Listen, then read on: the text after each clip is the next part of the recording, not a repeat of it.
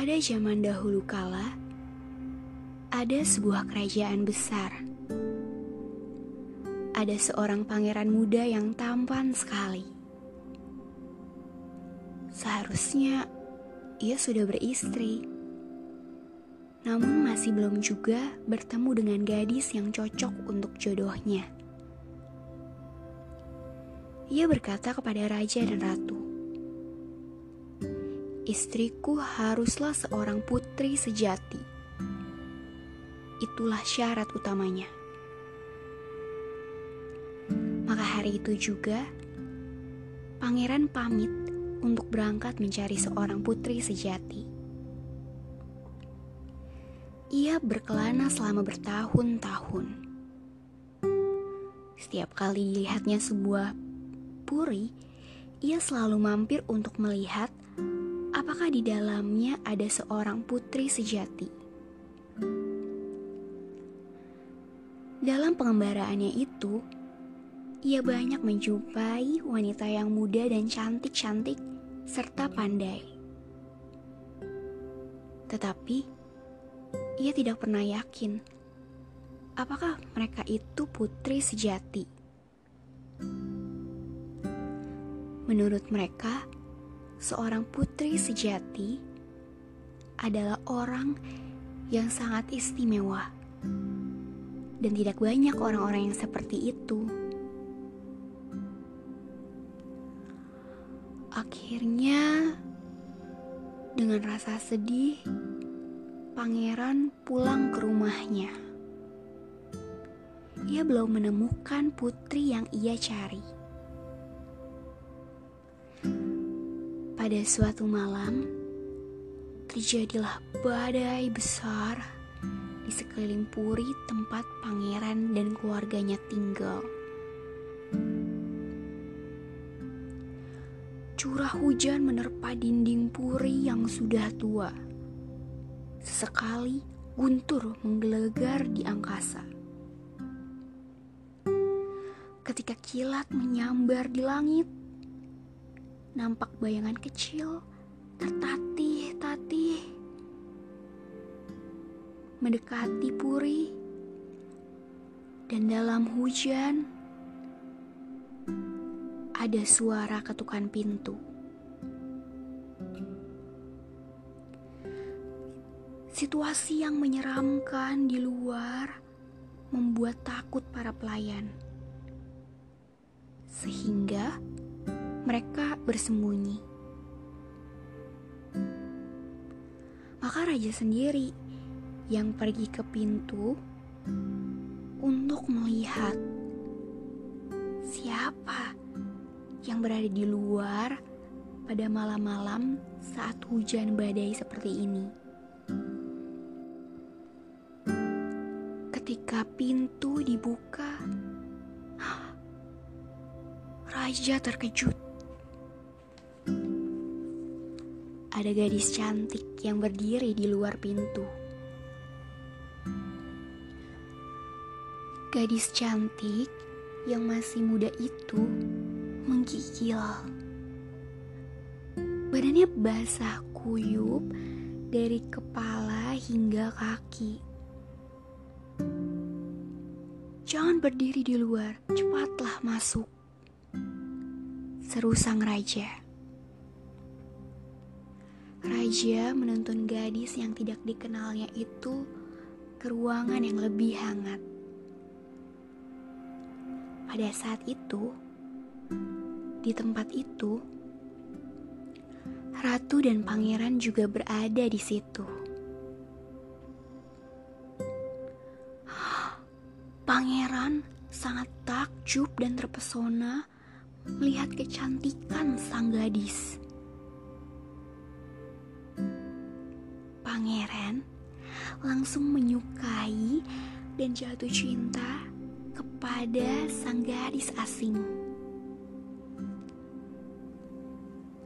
Sementara itu, sang gadis membungkuk hormat sembari berkata,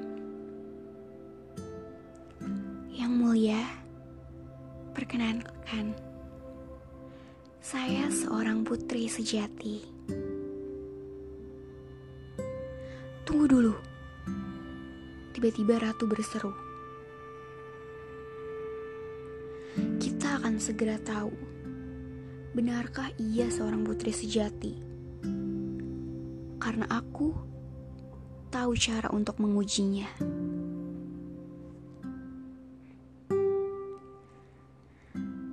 Gadis cantik yang mengaku sebagai putri sejati itu diberikan pakaian kering.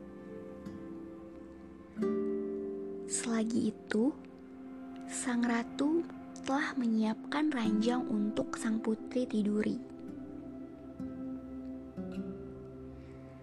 Nah, tanpa memberitahu siapa-siapa, di alas tidur paling bawah ranjang sang putri, tepat di atas kasur pertama, Ratu menaruh sebutir biji kacang kapri.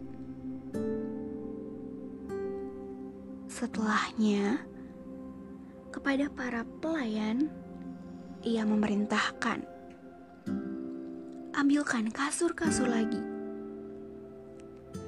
Tumpuk kasur-kasur ini di atas kasur tersebut. Sehingga saat ranjang itu siap, kasurnya dalam kondisi berlapis-lapis banyak ranjang. Sampai-sampai diperlukan sebuah tangga untuk naik dan untuk turun. Lalu sang putri masuk. Kata sang ratu, Nak putri, selamat tidur anakku. Semoga di kau bermimpi indah malam ini. Malam telah berlalu. Pagi sudah datang. Pagi-pagi sekali, Ratu segera mendatangi gadis itu. Ia ingin mengetahui apakah rencananya itu berhasil. Ternyata saat Ratu sampai, sang putri sudah bangun dan sedang terduduk di tempat tidurnya. Ratu mendekatinya dan bertanya, "Nak, bagaimanakah tidurmu, anakku?" Wajah sang putri terlihat resah. Mohon maaf yang mulia ratu. Rasanya saya tidak dapat tidur sama sekali. Rasanya ada sesuatu yang keras di bawah kasur ini. Entah apa. Sehingga badan saya merasakan pilu semua.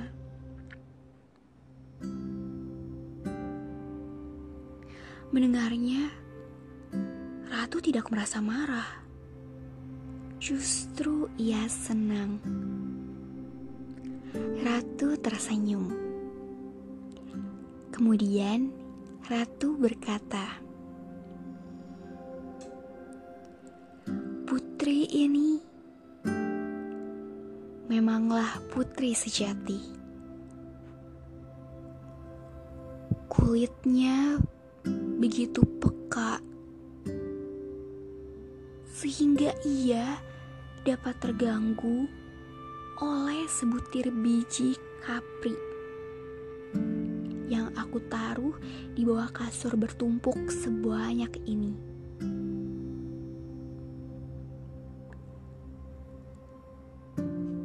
Ratu segera menemui pangeran dan menceritakan semuanya. Sudah kuduga sejak semula saat aku pertama kali melihatnya. Dia memang putri sejati. Ucap pangeran dengan bahagia. Lalu sang pangeran menghampiri sang putri. Putri, maukah kau menjadi istriku? Sang putri tersenyum malu dan ia berkata dengan semangat, "Aku mau, yang mulia pangeran." Akhirnya, sang pangeran berhasil menemukan gadis yang diidamkannya, yaitu seorang putri yang sejati. Mereka berdua menikah dan hidup dengan berbahagia.